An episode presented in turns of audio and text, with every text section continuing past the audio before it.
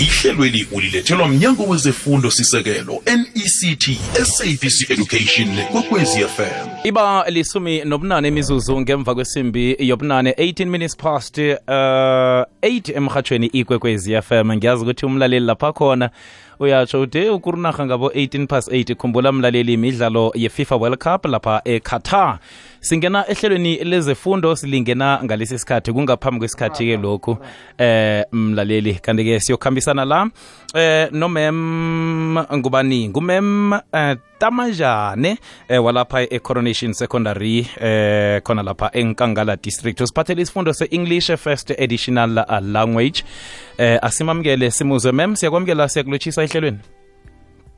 Uh, good evening, sir. How are you? Eh, siyavuka mem. Niphilile? I am fine. kwamambala thank you very much ma'am. Eh si usincanci siyancancabeza lapha ngokuthi singena ngalesi sikhathi. Siyazi ukuthi njengemhleni ujwayele ukuthi sangena ngo-half past bekube ngu-9 kodwana ngonobangela weqatar esiphethe kwamalanga la awa singena ngaphambi kwesikhathi. Mem napho abafundi baku-grade 9 ngiba ubona vele usale ungena uragela phambili. Sizakwazisa ngenkathi zokuyokuthengisa Okay, thank you very much. And uh, in preparation for exam, because now our learners are busy with exam, it is very much important for the, our learners to enter into exam knowing the difference between the direct speech and indirect speech together with active and passive voice. But today I will focus more on the direct and indirect speech, Ma'am? which is also called the reported speech. mem Yes. ngiba ubona sibambe lapho eh sele u- u- utshwile ukuthi uza sizokuthoma ngani ngiba ukuthi sidlulise netintolo msinyazana sokubuya uragele phambili ngitsho Okay. ahake sithokoze emashumi amabili mzuzu ngemva kwesimbi yobunane 20 past 8 mkhanyo kwaphela osusa ubumnyama siragela phambili 21 minutes past 8 machumi amabili mzuzu. Nomzuzu munye kuphela ngemva kwesimbi yobunane leyikwekwezi fm yiradio lessons lihlelo lilethelwa mnyango wezefundo sekelo i-nect sabc radio education and reaching minds enriching lives nomhatsho ikwekwezi fm kukhanya ba.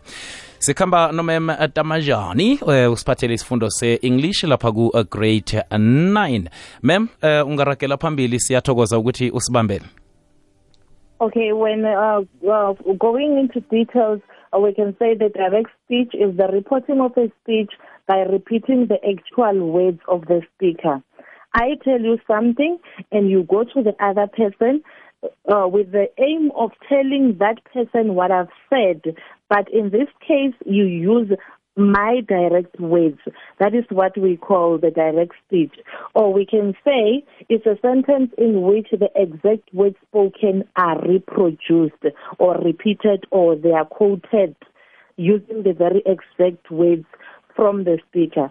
When we use direct speech in writing, we place the spoken words in quotation marks, which is also called inverted commas. We do this to show that the words that you're saying they are not yours but they are somebody else's words and then inverted commas are punctuation marks that are used in writing to show where speech or the quotation begins and where it ends. Where where the speech begins one needs to open the quotation mark and where the speech ends and one needs to close the quotation mark. And when using the direct speech in most cases, we use the introductory verb or what we call the reporting verb.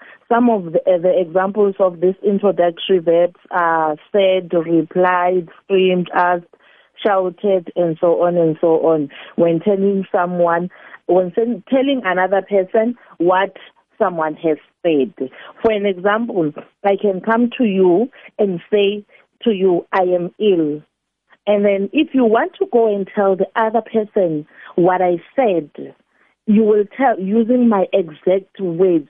You will say, you will open the quotation marks and say, I am ill, comma, then close the quotation marks to show that these words are not yours, but they belong to me, said Mem Tamanyani. I am ill, said Mem Tamanyani. And the words that are spoken must always be in the inverted commas. To give another example, I can say, I am going to town. I am going to town. Um, when reporting this uh, the same message using my exact words you can say i am going to town said mem tamanyani what i said to you is that i am going to town. These words must be in inverted commas. And after these words to separate the words spoken together with the introductory verb we must use a comma. The actual word spoken must always be placed in the inverted commas. And um, the comma must be used to separate the introductory verb from the spoken words. And the first words, um, the first word uh, at the beginning of the spoken word must always start with a capital letter, whether it is in the middle of the sentence or at the beginning of the sentence. And sometimes when we when we report we start a sentence with the spoken words is still okay.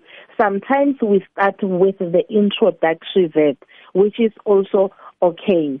And then the first words that are spoken, the first word on the spoken words, they must be, they must always start with a capital letter. For an example, if I can say, I am going to school and you want to uh, report to someone, it's okay for you to start um, with the introductory verb which is memtamanyani. Then to separate the introductory verb with the uh, words spoken by memtamanyani, a comma must always be used. Then it will be memtamanyani said, and then a comma, then to start the spoken words, they must always start with a capital letter. Open them, uh, open the inverted commas. I am going to school. Then full full stop because this is the end of the sentence, and then close the inverted commas. This is how we re, we uh, report. And then again, um, it's still okay to uh, start with the spoken words rather than the inventory the introductory verb. It's still fine to say, I am going to school, said Mem Tamanyani. The I at the beginning of the sentence, it must always start with a capital letter. But firstly, uh, the inverted commas must be opened to show that these are not your words, but these words belongs to Mem Tamanyani. I am going to school, and then a comma, and then close inverted commas said Mem Tamanyani. If the spoken words comes first, they can be followed by an exclamation mark. Uh, the, uh, it's okay for a, the spoken word to be followed by the exclamation mark or even a question, but never a full stop, simply because that is not the end of the sentence. Um, for an example, it heads then at the end we have an exclamation mark. When reporting, it will be open inverted commas, it has then the exclamation mark, close the uh, inverted commas, Alice shouted, for an example. Or to give an, another example, I can uh, ask you a question and say, ask, uh, where is my pen? When you want to go and tell the other person what Mem Tamanyani have asked, you can say, Where is my pen? asked Mem Tamanyani. Where is my pen? asked Mem Tamanyani. The word spoken must be in the inverted commas, and because the word spoken uh, comes in a form of a question, a question mark must separate the word spoken together with the introductory verb. That's why at the end of the day we'll have where is my pen? asked Mem Tamanyani. Uh, and that is all about the direct speech and we can quickly go to the indirect or what we call the reported speech, which is um, which tells us what someone has said. you report what someone has said, but in this case, you do not use the words, the actual words of the speaker. And when one report what another person has said, uh, when reporting, to keep the meaning of the sentence accurate, when you report what someone has said, we have to make sure that the meaning of the sentence stays accurate, it doesn't change. And by doing so, the pronoun always need to change. Pronouns like I, you, we, us, they always have to change. And then again, we use the word that to link the introductory verb to the spoken words. We always use the word that to link the introductory verb together with the spoken words. For an example, uh, if one say, I like school, I like school, and then you want to go and report what this person has said, you when you report using the direct speech, it will be she said, then separated by a comma, open inverted commas. Uh, I like school, full stop, and then close the inverted commas. And then uh, when reporting using the reported speech or indirect speech, it will be she said that she liked school. The I will change to she because if you say she said that I like school, you're no longer talking about that person, but you're talking about yourself.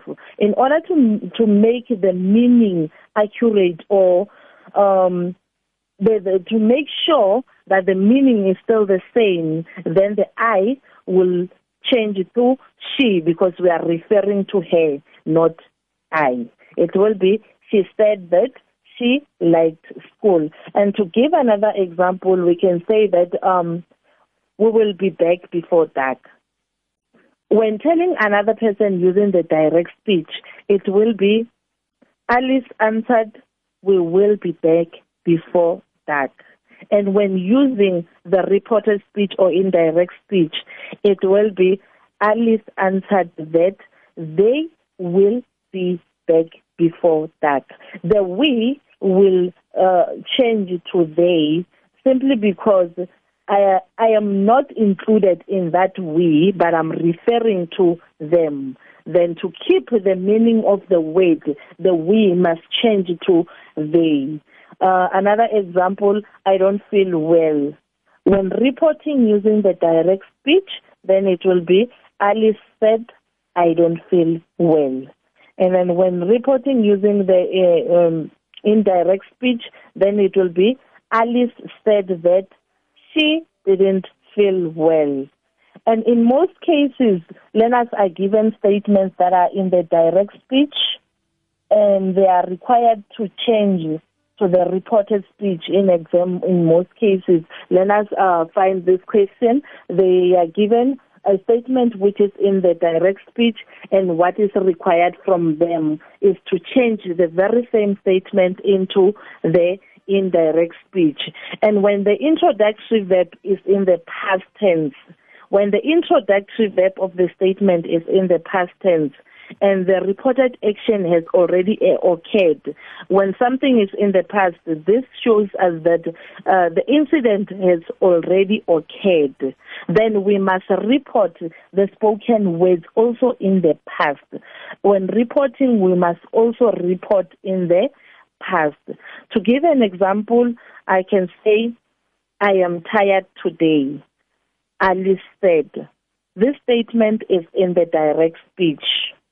When changing this statement into the indirect speech, it will be Alice said that she was feeling tired that day. Because the statement is already in the past. And then when reporting, we also need to report in, in the past tense. The said shows us that the statement is in the past tense.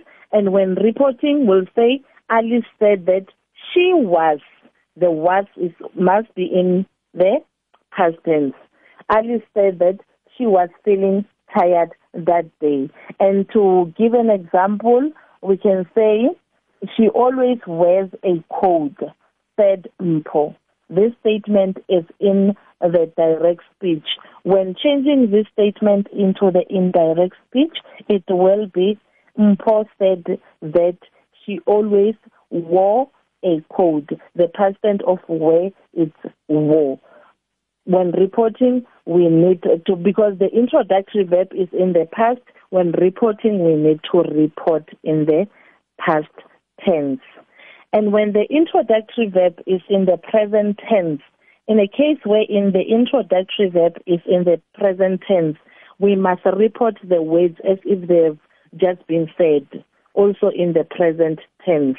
If the statement is in the present tense, the statement that one is being given is in the present tense, we must also report the statement in the present tense. For an example, I am tired today. Alice says. The space shows that this is happening currently. And when reporting, then it will be Alice said that she is tired today. Alice said that she is tired today. And to give an, another example, I can say, I like ice cream, Mpo said. This statement is in the direct speech. When changing it to the indirect or rather reported speech, uh, because the says already in, indicate that this statement is in the present tense, is something that is happening currently. We need to report um, also in the present tense. Then it will be Mpo says that she like ice cream. It will be Mpo says that she like ice cream. And when the first words in the direct speech are used for a question, it can happen that the spoken words are used for a question. These words must be used as the introductory verb. We can use words like why, who, what, when, how, where, and so on as the as the introductory verb to link the introductory verb together with the spoken words when reporting. To, see, to give an example of such, I can say, How are you? She asked. The ask is in the past, and then this is a question. This person was asking a question. And then when reporting, we can say, She asked how I was. It must be was and not is because it's not in the present tense but in the past tense. And to give another example, I can say, Where have you been? John asked. When reporting, because this statement is in the direct speech, when reporting, we can say, John asked where I was.